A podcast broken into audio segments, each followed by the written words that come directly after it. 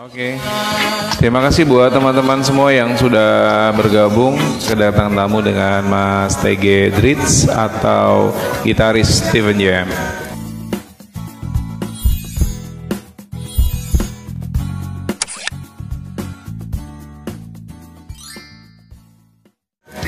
Nah, ini akan seru banget. Kita akan membahas bagaimana tentang reggae di Indonesia. Kita harus kupas tuntas mengenai reggae di tanah air ini. Karena reggae itu sekarang itu sudah banyak sekali yang diminati. Orang-orang pada senang, orang-orang pada suka. Nggak mungkin nggak suka untuk alunan musiknya. Reggae dengan mungkin orang biasa tahu adalah ganja. Nah ini yang akan kita bahas sama Mas Tegi juga nanti di jam 8 dan juga ada akan banyak juga tentang tanya jawab buat teman-teman semua yang memang mau ikutan itu bisa nah nanti akan ada door prize juga giveaway yang akan saya berikan buat teman-teman yang sudah uh, subscribe dan like dan komen yang di YouTube Rumah Cinta Musik Indonesia. Selamat datang Mas TG. Halo Mas Bro. Sehat. Assalamualaikum. Waalaikumsalam. Assalamualaikum semuanya yang udah gabung.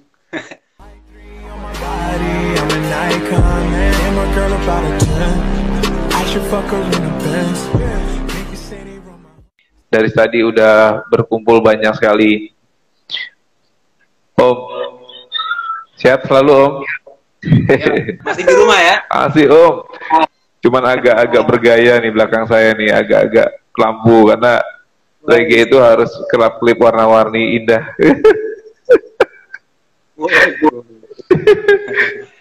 ini saya menyebutin untuk malam ini uh, sudah 591 Om. Mantap banget Om. Kita di 650 Om. Ini sudah masuk uh, sekitar 30 orang ya. 30 orang kemarin juga sudah langsung uh, terkirim semua dengan aman pulsa-pulsanya tuh ke mereka. Kita ngebahas tentang reggae.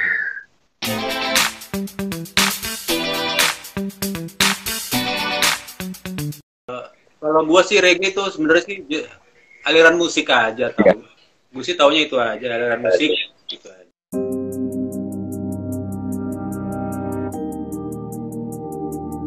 Reggae itu tahun 1986 di Jamaika. Nih Om, saya jadi belajar nih Om.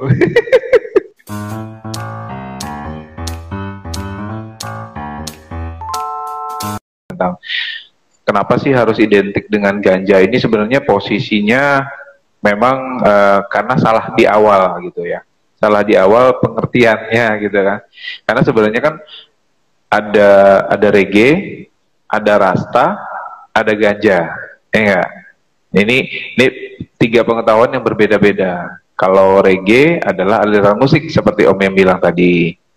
Rasta itu adalah aliran kepercayaan. Aliran kepercayaan itu uh, yang yeah. memang uh, dimensinya adalah dia itu memakai ganja gitu. Itu tahun 1986 itu dia memakai ganja. Yes, uh, itu sebenarnya uh, spiritual aja. Jadi betul. dia tuh buat meditasi. Betul. Dia pakai ganja itu dia kayak apa ya? Kayak ritual gitulah. Benar-benar. Ritual ya. satu kepercayaan di negara. Benar, kepercayaan. Nah di sini nih taunya kan reggae masuk Bob Marley ya, ya kan reggae-nya itu dari Bob Marley lah jelas dari Bob Marley lah sebelum sebelum Bob Marley sebenarnya juga udah ada gitu cuma di sini tuh ya Bob Marley ya, taunya ya. gitu loh reggae padahal sebelum Bob Marley Betul. ada juga gitu loh kan. Nah, tenarnya di sini karena Bob Marley, Bob Marley suka yeah. pakai itu, tapi juga Bob Marley itu untuk spiritual, Betul. bukan buat apa-apa enggak. Buat spiritual aja. Di sana juga ilegal. Bener-bener. Itu waktu uh, yang saya itu baca sih, memang waktu 1971 tuh memang Bob Marley sudah memakai karena waktu pertama kali bandnya dia itu namanya The Wailers. The Wailers itu band band ya. Iya. Jadi langsung habis itu habis itu kan bubar gitu. Kalau nggak salah baca sempat ditangkap juga Betul. karena lagunya ada yang yang dukung legal legal legalisasi Betul, betul, itulah betul. kayak gitu. Eh, buat teman-teman yang sudah bergabung, terima kasih banget. Ini eh, dijamin seru banget. Nanti teman-teman bisa juga tanya jawab ke kita. Ada Mas TG juga sebagai eh, bintang tamu kita untuk di reggae party ini. Aduh, Mas Tepeng, WA-nya nggak bisa di Aduh. Oh, aduh. komandan, Hormat. sehat. Ada komandan. Ada maaf, Bro. Siap, Komandan. Mohon izin. Izin nih. Ya, kalau bisa live berdua, live Iya. berdua nih kan. Aduh.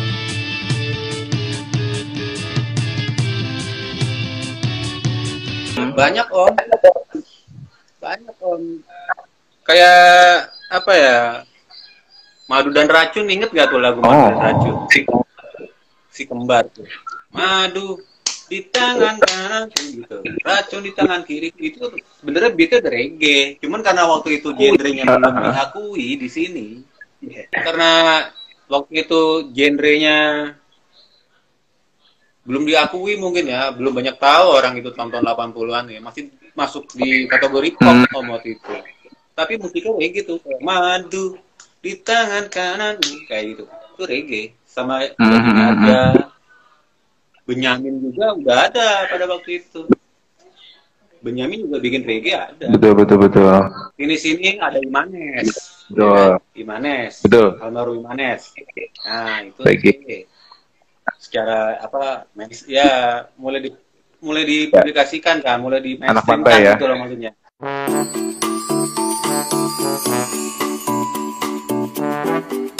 Ya, gua gua pernah bikin sama sama Tepeng juga pernah bikin sama anak-anak tuh bikin Indonesia Reggae Oh. Fest tuh tahun 2011. Oke, mantap.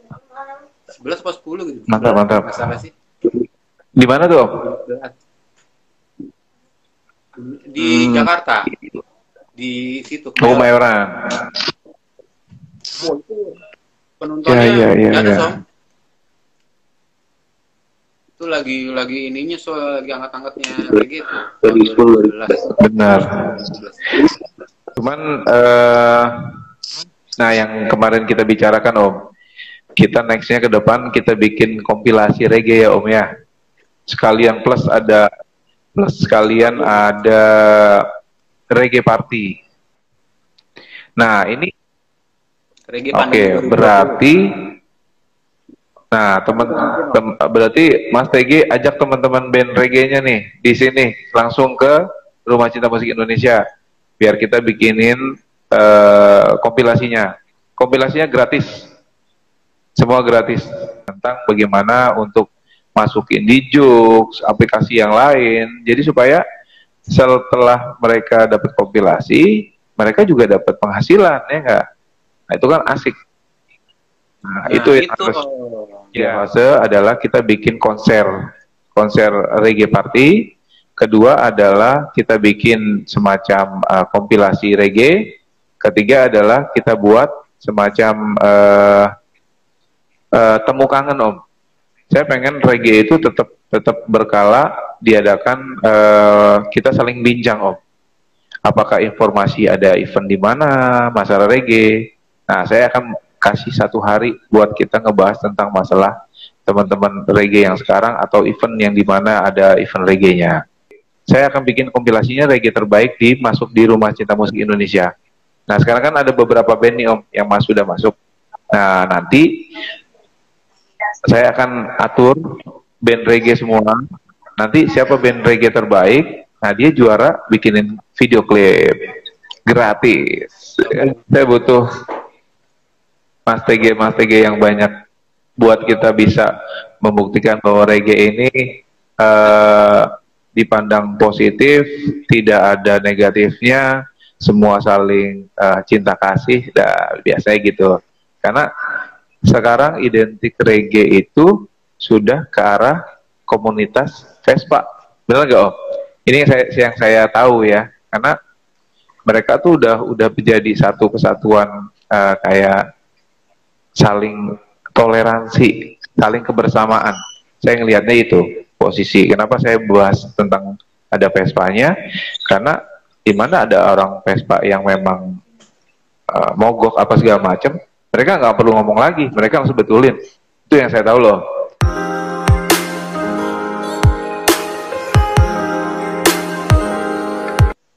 Uh, keluar keluarin aja om. Rilis rilis aja waktu itu sih hmm, hmm, kita tuh masa bodoh gitu. Kemarin apa dulu tuh trennya apa ininya apa di sini gitu kan.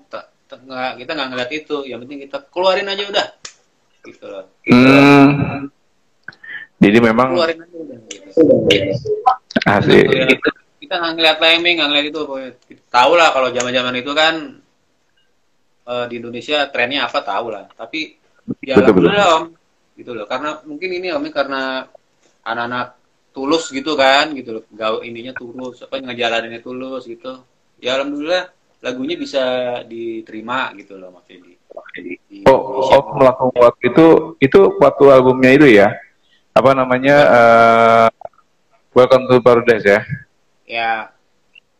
Itu bukan diterima lagi Om, langsung sampai sekarang pun udah di benak nih Om, udah di otak nih langsung benar.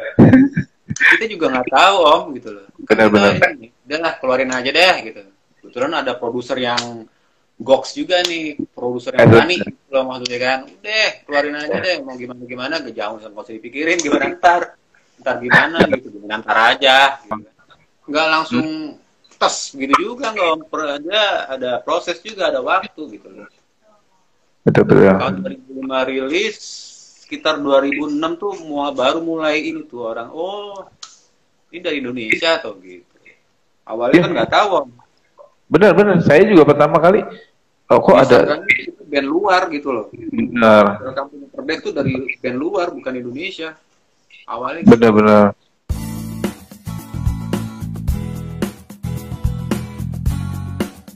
Gue pernah kan... baca artikelnya tuh. Mm -mm. Ada seorang pasien gitu ya di daerah mana gitu lupa gue.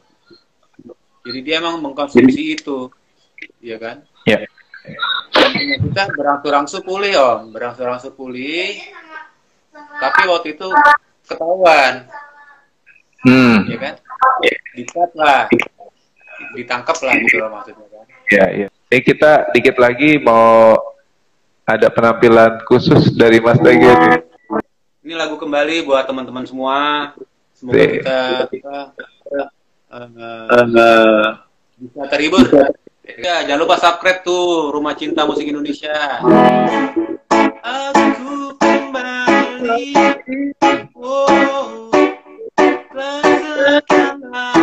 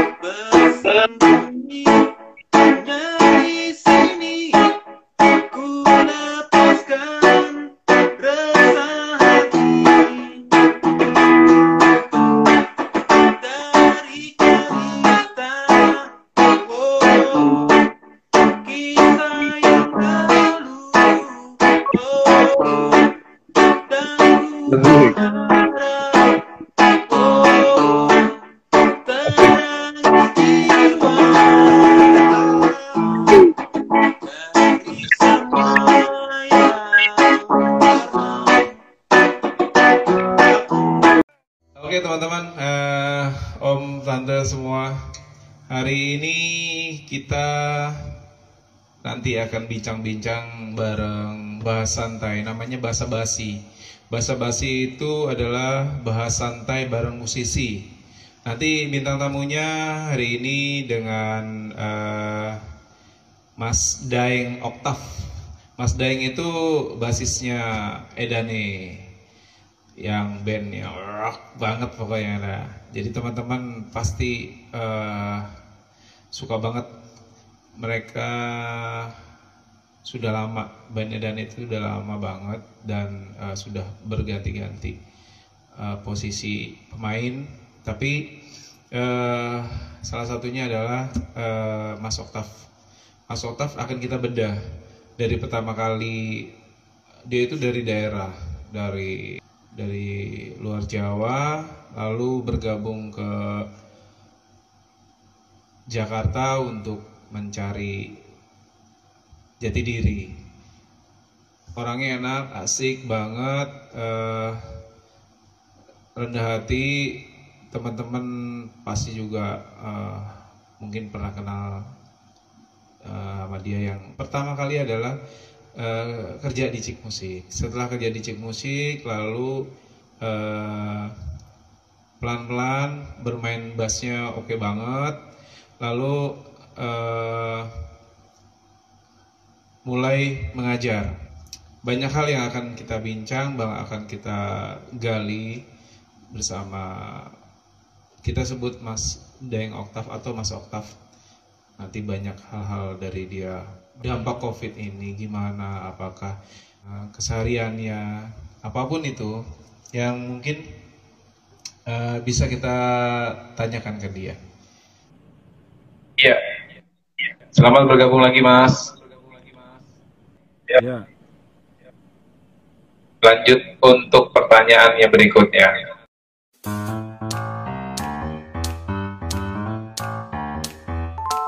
Sama Edano itu sebenarnya dari drummer legend, drummernya ex God Bless waktu itu dia udah nggak di God Bless beliau Om Teddy itu ya. Iya, Teddy sudah. Ya, jadi dari Om Teddy itu uh, sering diajak jam bareng-bareng teman-temannya di God Bless dulu Ahmad Albar juga Yan Antono. Yeah. uh, sampai ke Bang Eet. Nah dari situlah kurang lebih awal pertemuan sampai akhirnya saya uh, bisa bergabung gitu. uh, waktu band Edani itu nggak lama sebenarnya ya. Kira-kira tahun berapa tadi ya Mas 2010 bergabung. Kapan? Belum lama hitungannya 2010 2010 sampai sekarang sih 2020 10 tahun. Sudah lumayan. Hmm, ya, ya. lumayan lah. Iya sudah. Sudah uh, bisa tampil di mana-mana ya, Om. Itu suatu kebanggaan banget.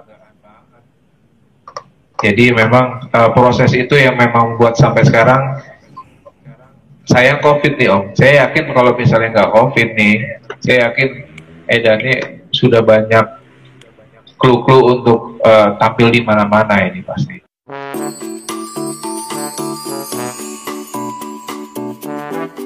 Uh, kalau Edane sih proses kerjanya agak beda. Jadi kita uh, kita semua ngumpulin lagu tapi tetap seleksinya ketat gitu. Oh gitu.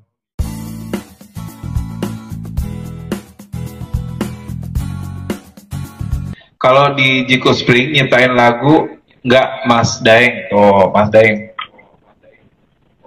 di Jiko di Jiko uh, kalau proses buat lagunya kebetulan belum ya, cuman proses Jikun Spring itu bikin lagunya ngejam jadi biasanya Jikun yang bawa materi terus kita jamming bener-bener jamming di workshopin sampai mateng ada ide di situ okay. di, di, di, ditumpahan baru uh, udah final baru kita rekam. Oh, oke. Okay. Gitu.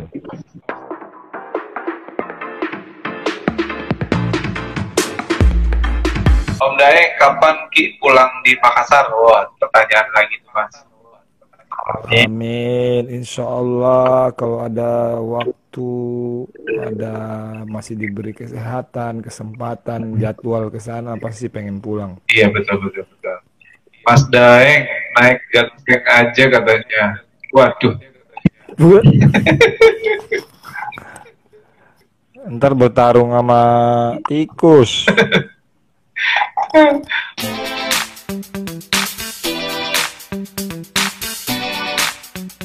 Instrumen yang paling nguasain bass, yang lain ya bisa-bisa doang. Tapi yang paling nggak bisa piano lah, piano dan keyboard itu nggak, saya agak-agak susah adaptasi. Jadi memang tidak sama sekali tidak kalau piano dan keyboard. Kalau yang lain masih pas-pasan lah, masih bisa.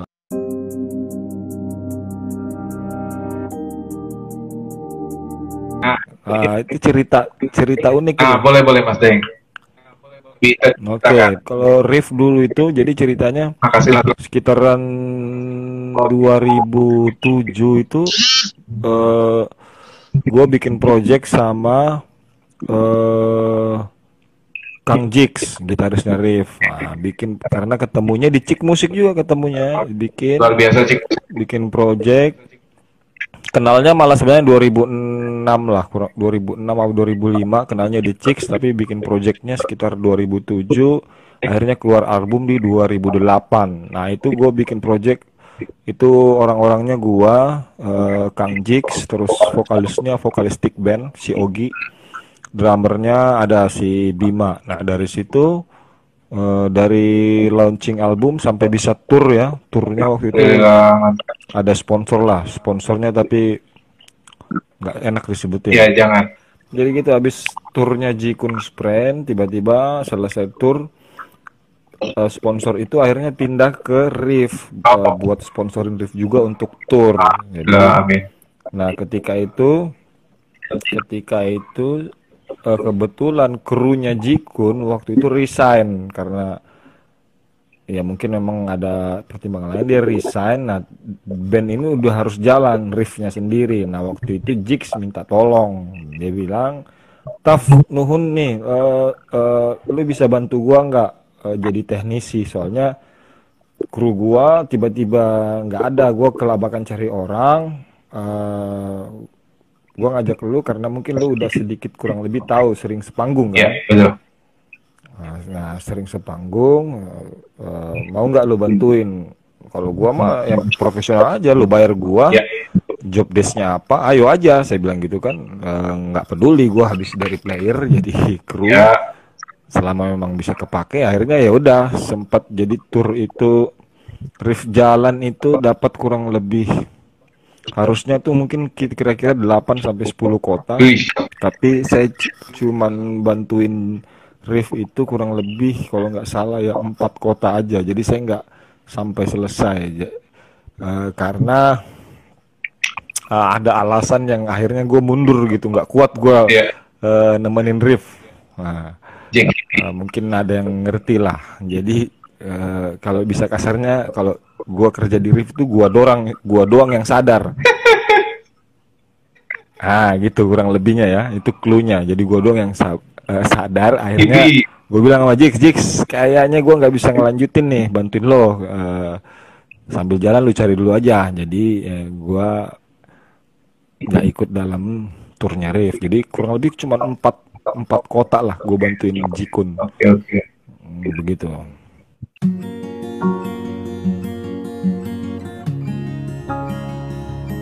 Yap, Lagu ngetop kenapa sekarang nggak pernah dibawain Tingku Sprint? Lagi kalau manggung masuk tap. Lagu ngetop apa? itu siapa yang nanya? Siapa yang nanya? Muhammad Yusuf. Muhammad Yusuf. Oh iya, oke, lagu ngetop ya. Iya. Eh, lagu ngetop itu judul lagunya Jikun Sprint single pertama single pertama ya yang sama Ogitik Band. Em, nggak tahu sih kak Jix itu dari Jikun sih. Kalau saya gue sih mau mau aja. Cuman mungkin karena musiknya Jikun Sprint ag- eh, setelah album ke, ke, ke album ketiga ini eh agak berubah. Iya.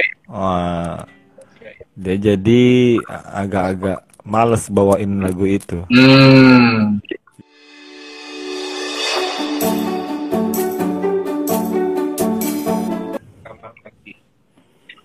Album sebenarnya ini sebenarnya single. Sebenarnya tahun ini tuh jadwal ngeluarin single. Kita udah proses dari akhir Desember kebetulan sama Mas Bayu tadi dari Musik Blast eh, Greenland sebagai labelnya. Itu udah jadi sebenarnya udah siap rilis di Maret akhir tuh sebenarnya. Cuman nah begitu mendekati hari rilisnya ah, u- COVID semakin marak kan. Akhirnya ada peraturan bahwa eh, tidak boleh ada keramaian dan eh, social distancing dan sebagainya sebagainya dan sebagainya akhirnya kita putuskan untuk memendingnya jadi uh, kita masih melihat nih cuman untuk album sendiri masih nabung sih ya mungkin nggak tahu ini single bisa bergabung sama album nantikah atau Iya. tetap keluar sendiri gitu. Atau berupa single sendiri ya?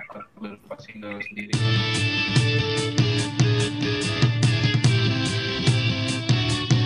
Kalau sekarang make eh, bass itu Ibanez ada dua biji, dua seri, ada dua seri, satunya Ibanez BTB NTL 1825, terus satunya SR series 1200, dua-duanya made in Indonesia. Itu gue pakai Ibanez karena ada hubungan kerjasama. Ah, jadi dan kebetulan emang suka juga. Ya bisa bi- dibilang gitulah, dipinjemin bass. Nanti kalau selesai kontrak baru dimilikin gitu kan. Oke. Ya, ya kurang lebih kurang lebih gitu. Jadi tapi kebetulan emang gue suka Ibanez gitu. Ya, ya emang jadi cocok gitu. Jadi bukan asal kerja sama aja gitu.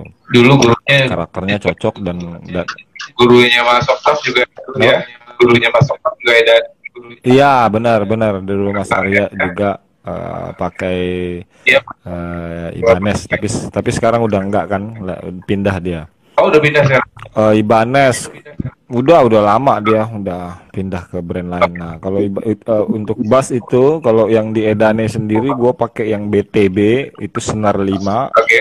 karena emang di Edane butuhnya eh, banyak banyak frekuensi rendah jadi drop drop jadi biar pada gua bolak-balik tuning drop drop drop drop jadi gua akhirnya memilih eh, senar 5 untuk eh, bisa eh, mencapai nada-nada itu. Nah, kalau di luar itu kadang pakai yang senar 5 juga, kadang eh, yang senar 4 kayak di Jikun sama bareng Jikun, Jikun Sprint itu saya pakai yang empat senar gitu karena lebih leluasa. Basicnya saya empat senar soalnya lebih senang sempat senar atau di kerjaan-kerjaan season lain, kerjaan ngeband ngerok yang lain biasanya pakai yang senar 4. Hmm. Eh, untuk di panggung sendiri kebutuhannya paling eh, karena Edane musiknya kenceng ya, nah, apal- apalagi 2000 di sini arahnya mulai metal, gue menyesuaikan itu ya paling pakai ada distorsi, eh, kompresor biasanya pasti gue pakai kompresor eh, untuk Di, di samping di remote tuh ada efek-efeknya nggak sih? Teman-teman tuh bisa lihat gitu. Lihat gitu. Aduh, di, harus bongkar hardcase. Iya, harus bongkar hardcase. Ya, ada pedal board. Cuman biasanya sih gua eh, pedal board itu buat gaya-gayaan doang, Mas Wahyu. Ada Biar masa pemain Iyalah, masa pemain bassnya Endane nggak ada pedal board, padahal nggak dipakai. Distorsi itu ah, wajib ada kalau gua distorsi. Terus eh, kompresor itu wajib ada karena menurut gua itu kompresor buat musisi pemain bass rock itu eh, sangat dibutuhkan karena musik rock sendiri memang ini kan dia tensinya kenceng dan kalau bisa dia nggak naik turun. Beberapa lagu memang ada yang de- pakai dynamic cuman dia harus kon- konstan menahan